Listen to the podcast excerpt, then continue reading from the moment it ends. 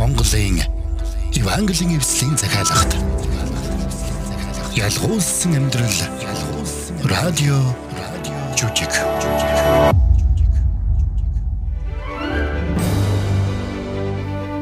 Ялгуулсан амьдрал түүхэн радио жүжиг эхэлж байна. Өнөөдрийнхөө түүхийг бид Библийн Марк, Матай, Лук номнуудаас сэтвлэн бүтээлээ. Энэхүү дугаараараа бид Есүстэй уулзсан нэгэн залуухан баян удирдагчийн тухай үзэх болно. Өөрийн үйлчлэлийн туршид Есүс өөрийг нь дагахыг хүссэн. Өөрөөс нь ивэл хөрөөлийг хүртэхийг хүссэн үе олон хүмүүстэй уулзаж байлаа. Гэсэн ч тэдний олонх нь Есүсийн дагалдагч байхын золиосыг олж мэдээд энэ замаасаа эргэсэн. Есүс өөр дээр нь ирсэн бяцхан хүүхдүүдийг өрөөсний дараагаар тэр хүүхэд мэд бат итгэл ямар чухал болохыг бидэнд заасан. Харин энэ үйл явдлын дараагаар нэгэн залуухан баян удирдагч Есүс дээр ирсэн байна. Мөн хамиг өвлөхийн тулд яах ёстой вэ гэдгийг тэр Есүсээс асуудаг. Ингэхдээ тэр Бурхны тушаалуудыг баг байхасаа дагаж ирсэн гэдгээ ч мөн хэлсэн байна.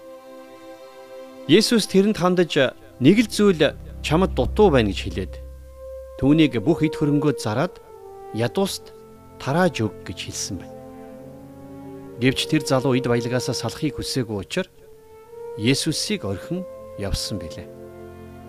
Энэ үед Есүс даглагч нартай хандаж баян хүн бурхны хаанчлалд орох ямар хэцүү болохыг хэлж баян хүн бурхны хаанчлалд орохоос тэмээ тэвний сүгчээр нэвтрэх нь илүү хялбар ажээ хэмэх алдартай сургаалаа хэлсэн байдаг.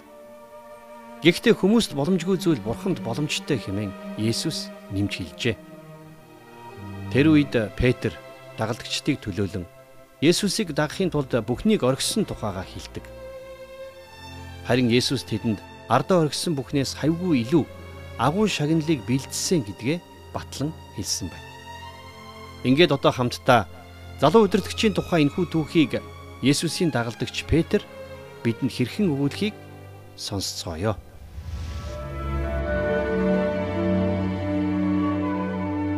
Есүсийн үг болон үйлдэл намайг үргэлж гайхшруулдаг байсан билээ. Загасчны амьдралаа ардаа орхин. Түүнийг дагаж ихэлсэн цагаас эхлэн миний амьдралд ямагт сонин хачин зүйлс тохиолдож байдаг болсон. Тэгвэл чинэлэг залуу өдөрдөгчд өгсөн Есүсийн тэр нэгэн хариулт миний амьдралын мартагдашгүй хорон мөчүүдийн нэг болон үлдсэн юм. Есүс бяцхан хүүхдүүдийг өрөөж дуусаад бид хамтдаа цугларсан хүмүүсийг ардаа орхин цааш явсан юм. Харин тэр үед Илам биднэр рүү яаран гүйж ирсэн юм. Илам уг нь тунд ажгүй залуу байлаа. Баян чинэлэг, удам угсаа сайтай, сүсэг бишрэлтэй, нийгэмд байр суурьтай. Гэсэн ч Есүс түүнд өөрт байгаа бүх эд хөрөнгөө зарж ядуус тарааж өгчхөөд өөрийн дагах ёстой гэж хэлсэн юм. Эхэндээ түүний энэ үгэнд би ихэд гайхсан ч хожим нь учрыг ойлгосон билээ. Сайн багшаа. Мөн хэмийг өвлөн авахын тулд би юу хийх ёстой вэ? Илам. Чи яагаад намайг сайн гэж дуудана вэ? Бурхнаас өөр хэн ч сайн биш. Чи хүн бүү бол. Чи бүү завхаар, чи бүү хулгайл, чи худал хуурмаг бүү гэрчил, чи бүү мэхэл, эцэг эхээ хүндэл гэсэн тушаалуудыг чи мэднэ шүү дээ. Багшаа. Энэ бүхнийг би баг залуугаас л сахисан. Чамд нэг л юм дутж байна явж өөрийн гисэн бүхнээ зарж ядуустдаг. Тэгвэл чи тэнгэрт эрдэнэстэй болно. Тэгээд ирж намайг даг. Хэдхэн хормын дотор ямар их өөрчлөлт гарсан гэж. Анхандаа Илам Есүс өө тэмүүлж мөнхийн амийг хэрхэн хүлээн авах арга замыг заалгаж авахыг хүсэж байлаа. Тэр мөнхийн улсад орох болно гэсэн баталгааг биднээс аваад явна гэдэгтээ бүрэн дүүрэн итгэлтэй ирсэн юм. Харин Есүс түүнд эхлээд Бурханаас илүү сайн зүйл байхгүй гэдгийг батлан хэлсэн. Үүгээрээ Есүс Иламын өмнө хэн зогсож байгааг батлан хэлсэн юм. Харин үүнийхээ дараа Есүс Иламыг өөрт байгаа бүхнээ худалдахыг зөвлөх үед Иламын царай хувирсан. Тэр уруу царайлж буцаж эргээд яваад өгсөн. Учир нь тэр Есүстэй харилцах харилцаанаасаа илүү өөрийн эд баялагийг чухалчилсан юм. Харин үүний дараа Есүс бидэнд хандан ийхүү асуусан билээ. Учир нь тэр бидэнд үүгээр дамжуулан Бурхны хаанчлалын нууцыг зааж өгөхийг хүсэж байсан юм. Хөрөнгөтэй нь Бурхны хаанчлалд орох юутай бэрх вэ? Хөөхтүүд минь. Бурхны хаанчлалд орох юутай хэцүү вэ?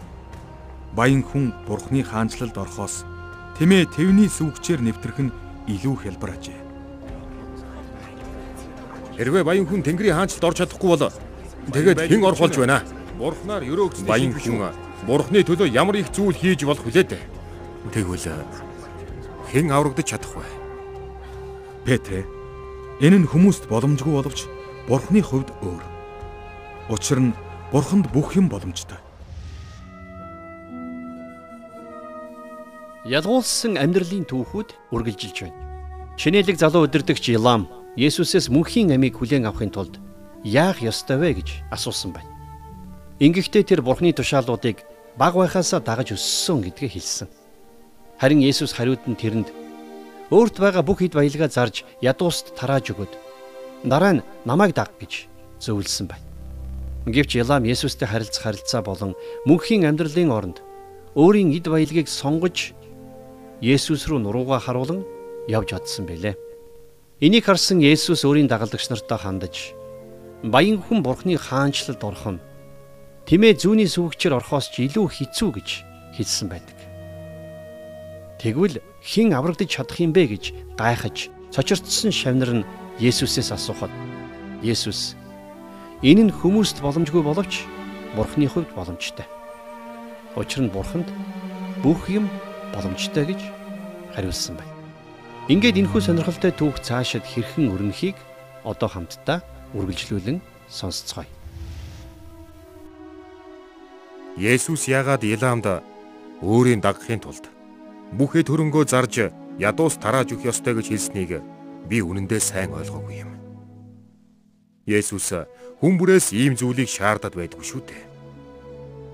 Тиймээс би энэ тухай Йоханоос асууж мэдхээр шийдсэн юм. Йохан. За. Багш яагаад Иламд бүх хөрөнгөө зараад өөрийн даг гэж хэлсэн юм болоо? Харин сайн ойлгохгүй л байна Петр. Гэхдээ би зөрүүлээд нэг юм асууя. Иламын амьдралд юу хамгийн чухал байсан гэж чи бодож байна? Тэр чи ямар хамаатай юм? Чи бодоод үзтээ. Есүс өөрт нь бүх хөрөнгөө зарж ядуус төг гэж хэлэх үед тэр яасан бэлээ дээ? Яваад өгсөн. Яг тэгсэн шүү дээ. Тэгвэл Есүсийг дагах нь түүний амьдралд хамгийн чухал зүйл байсан гэж юу? Үгүй л бололтой. Тэгвэл би дахиад асууя. Иламын амьдралд юу хамгийн чухал байсан бэ? Аа. Би чиний хэлэх гээд байгаа санааг ойлголоо. Есүс Иламыг эд хөрөнгөндөө бүхнээс илүү хайртай гэдгийг мэдж байж. Тийм учраас л тэрнийг хамаг хөрөнгөө зар гэж хэлсэн юм байна шүү дээ. Яг тийм. Тэгэд Илам эд хөрөнгөө эсвэл Есүсийг сонгох ёстой болж чи бодоод үзтээ. Жишээ нь чи Есүсийг дагахын тулд юугаар орхих ёстой болсон бэ? За биз. Бодоотгоё загасчны амьдралаа эцгийг. Ер нь л байсан бүхнээ л орхисон юм байна та. Бид бүгдээрээ л Есүсийг дагахын тулд байсан бүхнээ ардаа орхисон шүү дээ. Гэхдээ Есүс өөрийн дагахын тулд байгаа бүхнээ зарах юм уу? Гэр бүл, ажил төрлөө заавал орхих гэж шаарддаггүй шүү дээ. Үгүй л дээ. Гэхдээ түүний төлөө байгаа бүхнээ орхиход бэлэн байхыг биднээс хүсдэг шүү дээ. Ягд гэвэл бид Есүстэй харилцах харилцаагаа бүхнээс эрхэмд тооцох ёстой. Йоохны энэ тайлбар надад бүхнийг ойлгуулсан юм. Илам Есүсийн өгч чадах ивэл өрөөлийг хүлээн авахыг хүсэж байсан. Бас тэр ёс суртахуунтай амьдарч байснаас гадна Есүсийг ч эгэл хүн биш гэдгийг мэдсэн байсан. Гэсэн ч Илам Есүсийг амьдралынхаа эзэн болгож бүхний тэргүүн тавихаас татгалцсан. Үүнийг ухаарах үед миний бардам зан хөдөлж Есүсийн төлөө бүхнийг орхиод явсан гэдгээрээ бодлогогүйгээр сайрхаж эхэлсэн юм.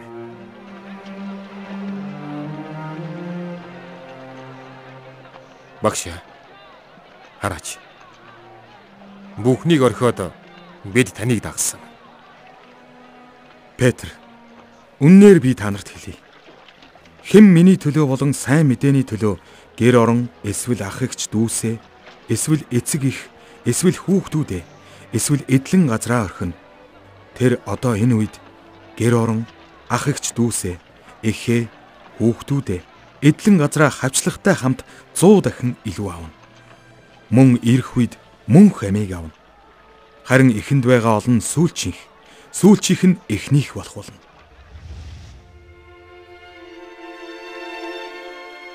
Сэтгэл хөдлөлдөө автаж бодлогогүй үг хэлсэндээ би тэр даруйдаа гимссэн юм. Гэхдээ магадгүй бидний хүн нэг болгонд Есүсийн энхүү сануулга хэрэгтэй байдаг үзье. Үндэ бид Есүсийн төлөө юугаач орхисон байлаа гэсэн. Тэр оронд нь түүнтэй харьцуулшгүй гайхамшигтай ивэл өрөөлийг бидэнд өгөх болно. Бид Есүсийн нэрийн төлөө ямар ч хавчлаг зовлон Марта саадыг даван туулсан бай. Энэ нь бидний мөнхийн шагналын дэргэд юу ч биш юм. Нэгэнт би яламд байсан шиг тийм их эд баялагтай байж үзээгүй учраас эд баялаг хөрөнгө мөнгнөөс ирэх тэрхүү хуурамч аюулгүй мэдрэмж баян тансаг амьдралын тэрхүү тав тухтай хэв маягийг огт мэдэхгүй. Бас тэр бүхнээсээ салах ямар хэцүү санагдахыг ч мэдэхгүй юм. Үндэ би хизээч бүх ихтгэл найдвараа тавих үе хэмжээний их хөрөнгө мөнгөтэй байж үзээгүй. Гэхдээ надад Есүсийн ярьсан тэмээ зүүнний сүүгчээр багтах тухай зүүрлэлийн утгыг түүнээс асуух шаардлага байсангүй. Есүс нэг бол үнэхээр бодит тэмээ болон бодит зүүнний тухай ярьсан байж болно. Эсвэл тэр Иерусалимийн хэрэм рүү нэвтрэх зүүнний сүүг чимээх жижигхэн хаалганы тухай ярьсан байж болох юм. Тэр хаалгаар орохын тулд тэмээг ачаанаас нь суллаад өвдгөөр нь мүлхүүлж оруулдаг юм. Гэхдээ Есүс энэ хоёрын альнийг ч хэлсэн байлаа гэсэн хэлэх гэсэн санаа нь адилхан юм. Бид Есүсийг ямар ч эд баялаг, эрх мэдлэр солих ёсгүй юм. Баянч бай, ядууч бай, гэр бүлтэйч бай, гэр бүлгүүч бай. Бид өөрт байгаа бүхнээ Есүсийг дагахын төлөө хойш тавихтаа бэлэн байх учиртай. Цаашилбал бид Есүсийг нийгмийн өндөр байр сууриаар солих ёсгүй юм. Би баян чинэлэг хүн биш ч гэсэн заримдаа өөрийгөө хэтэрхий дөвийлгэн үнэлдэг гэдгээ мэднэ. Би Есүсийг даган амьдрах болсон хойнооч өөрийгөө үргэлж бусадтай харьцуулдаг байлаа. Би үргэлж нэгт байхыг хүсч бусад хүмүүсийн хайр хүндлэлийн төвд байхыг хичээдэг байсан. Гэвч үнэндээ надад сайрхах ямар ч шалтгаан байхгүй гэдгийг би ухаарсан. Есүс биднийг бүгдийг хайрлсан. Тэр хэнийг ч ялгуурлан гадуурхаагүй. Хэнийг ч илүү хараагүй. Үндэ надад байгаа бүхэн Есүс Христих юм. Тиймээс Есүс сүүлчийнх нь эхнийх болж эхнийх нь сүүлчийнх байх болно хэмээн айлдсан биз. Өнөөдөр энэ дэлхий дээр эхэнд байгаа олон хүн хожим нь мөнхийн улсад сүүлийнх болох болно. Харин энэ дэлхий дээр сүулд байгаа хүмүүс тэр цагт эхэнд зогсох болно. Өөр хинч биш. Зөвхөн Есүс л биднийг Бурхны хүүхэд болгосон. Тэр бүх магтаал хүндлэлийг авах зохистой. Зөвхөн тэр л бүх алдрыг авах зохистой билээ.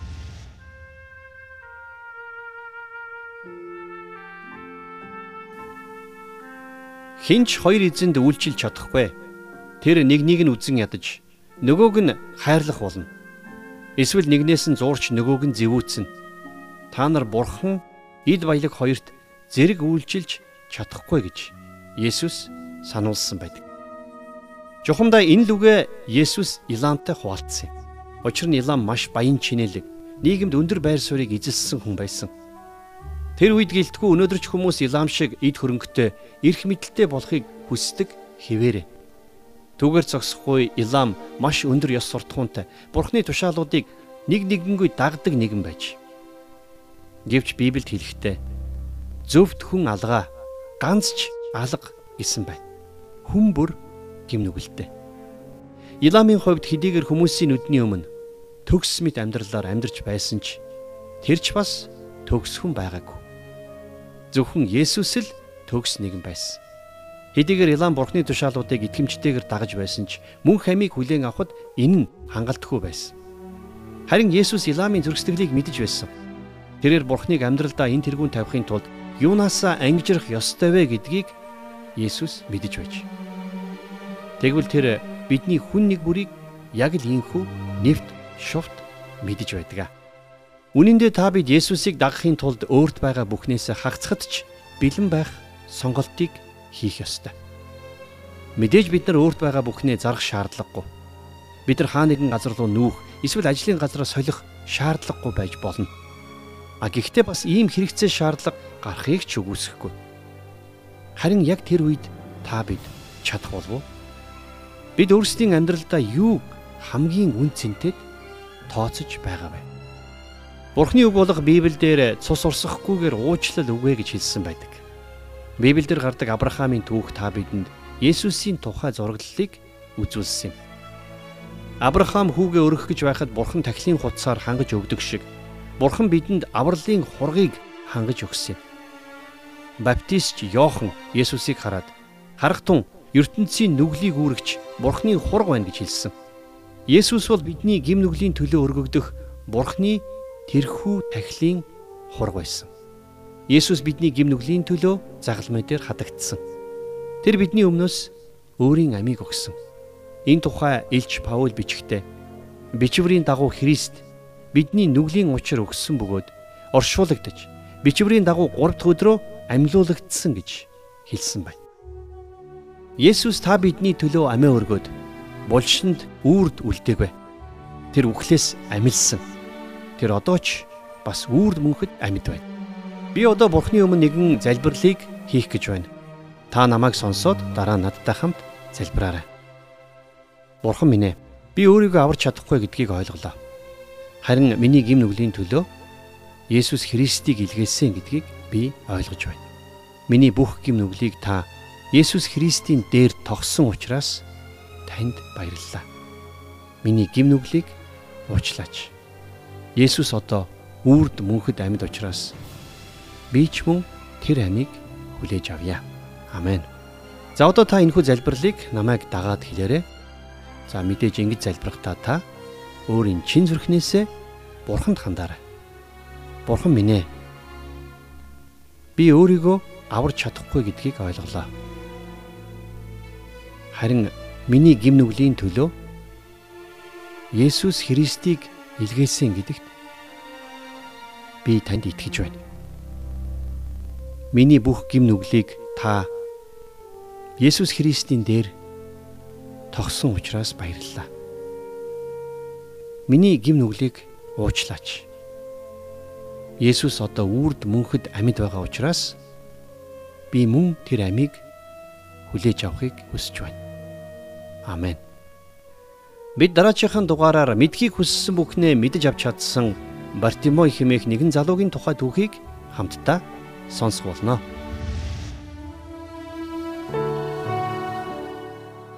Ялгуусын амьдрал радио жүжигтэй хамт байсан сонсогч танд маш их баярлалаа. Ингээд сая сонссон радио жүжигтэй холбоотой зарим асуултанд хариулт авцгаая. Есүс яагаад тэр залууг өөрийн гэсэн бүхнээ зарж ядуус төгөөд намайг даг гэж хэлсэн юм бэ? Тэр залуугийн хувьд эд хөрөнгө нь амьдралынх нь бусад бүх зүйлээс илүү үнцэнтэй байсан. Харин Есүс тэр хүнд хандаж бүх зүйлийн тэргүнд бурхан байх ёстой гэдгийг хэлж байна. Тэгэд яагаад тэр залуу Есүсийг даахгүй гэж хэлсэн юм? Тэр залуу Есүсийг нэгдүгээр тавихыг хүсээгүй. Тэр Есүсийн санал болгож байгаа зүйлээс илүүгээр эд хөрөнгөө чухалчилж үзэж байсан. Хэрвээ би Есүсийг дагахаар шийдвэл өөрт байгаа бүхний зарах ёстой юу? Есүст итгэдэг хүний хувьд амьдралынхаа нэн тэргүнд Есүс Христийг тавьдаг. Таны хувьд эд хөрөнгө чинь амьдралын чинь хамгийн чухал үн цэнтэй зүйл биш байхаа гэж найдаж байна. Есүс хүн бүхнийг эд хөрөнгөөсөө татгалз гэж хэлээгүй. Харин Бурхан нэгд байх ёстой гэдгийг л зааж байсан. Есүсийг дагахад эд хөрөнгө хүн цаад болдгоо. Мөнгө хүнийг хүлж ороосоор эцэст нь хүний дотор байгаа бүхнийг шархан гаргадаг. Баян хүн Тэнгэрийн хаанчлалд орох хэцүү гэж Есүс хэлсэн. Мөнгөний хүнд нөлөөлөх нөлөө маш хүчтэй байдаг учраас тэрээр ингэж хэлсэн байна. Мөнгийг хайрлах хайр нь олон хүнийг Есүсийг дагахад саад болдог. Гэхдээ мөнгө заавал хүнийг Есүсийг дагахад нь саад болох албагүй. Эд хөрөнгө ихтэй мөртлөө Есүсийг чин сэтгэлээсээ дагдаг дагалдагч нар олон байдаг. Баян байх нь э, гим нүгэл мөн үү? Явгүй. Баян байх нь гим нүгэл биш. Баян жинэл хүн ч гэсэн Есүсийн дагалдагч байж болно. Библиэд гардаг Авраамыг харуул тэр маш баян хүн байсан боловч Бурхныг дуулууртай дагаж түүний төлөө амьдэрсэн. Явж гисэн баян хүн байсан. Гэвч тэр Бурханд итгэж дагдаг байсан. Мөнгө санхүүгийн хувьд хоёр маш чухал зүйл байдаг гэж би боддог юм. Нэгд тухайн хүн тэр эд баялагийг яаж олж авсан бэ? Хоёрд тухайн хүн эд баялгаа хэрхэн зарцуулж байна вэ? Хүн эд баялагийг хуурч мэхлэлгүй зөв шудраг замаар олж авах хэрэгтэй. Мөн хүн эд хөрөнгөө ядуу зүдүү дутагдж гачигдсан хүмүүст туслахад хэрэгэлдэг байх хэрэгтэй. Гэхдээ энд өгүүлж байгаа түүхтэр Есүс мөнгө хүнд өрхөлж Бурхныг дагахт нь саад болно гэдгийг анхааруулж хэлсэн байна. Хүн бурхны тушаалуудыг дагснараа мөнх амийг хүлээ авч чадах уу? За бид бурхны тушаалуудыг сахих хэрэгтэй. Гэхдээ эдгээрийг сахилаа гэд бид мөн хамтай болохгүй. Бид Есүсийг аврагч гэдэгт итгэж амьдралаа түүнд даатгаснаар мөн хамийг хүлээж авдаг. Есүсийн эхэнд байгаа олон сүүлчийнх, сүүлчийнх нь ихнийх болох болно гэж хэлж байна. Энэ нь ямар утгатай үг юм бэ? Би сайн ойлгохгүй юм л да. За энэ дэлхийн үнлэмжээр зарим хүнийг маш өндрөөр үнэлж болох боловч үн мөнхийн гэрэл дор харвал тэд сүүлийнх байж болно. Бас энэ дэлхийн хувьд зарим хүнийг дорд гэж харж болохч. Есүсийн дагалдагчдын хувьд тэд Тэнгэрийн улсад эхнийх нь байх болно. Мөнхийн амийг хүлээж авах тал дээр би баг зэрэг эргэлзээд байна л да. Энд гарч байгаа түүх мөнгө, эд хөрөнгө, бурхны тушаалын тухай гарч байна. Би мөнх амийг авахын тулд юу хийх ёстой вэ? Та энгийн үгээр хэлж өгч чадах уу? Энэ түүх ерөнхийдөө Есүсийг дагах тухай өгүүлдэг. Мөнх амийг хүлээж авахын тулд хүн юун төрөнд өөрийгөө гим нүгэлтэй гэдгийг ойлгож ухаарах ёстой. Та Есүс рүү очиж гим нүглээ гимшээрэй. Гимшил гэдэг нь хүн оюун ухаан зүрх сэтгэлээ өөрчлөхийг хэлдэг. За мөн гим нүглийг минь уучлж авраач гэж Есүсээс гуйх хэрэгтэй. Ингэснээр хүн Есүст амьдралаа даатгаж түүнийг дагаж амьдрах шийдвэр гаргаж байна гэсэн үг юм. Тийхүү Есүс гим нүглийг тань уучлж мөнхийн амийг бэлэг болгон өгнө. Хэрвээ та урд өмнө үүнийг хийж байгаагүй бол яг одоо хийгээрэй гэж би хэлмээр байна. Танд маш баярлалаа. Өнөөдрийн дугаартай хамт байсан сонсогч танд маш их баярлалаа. Дараагийн дугаараар иргэн уулзцаая.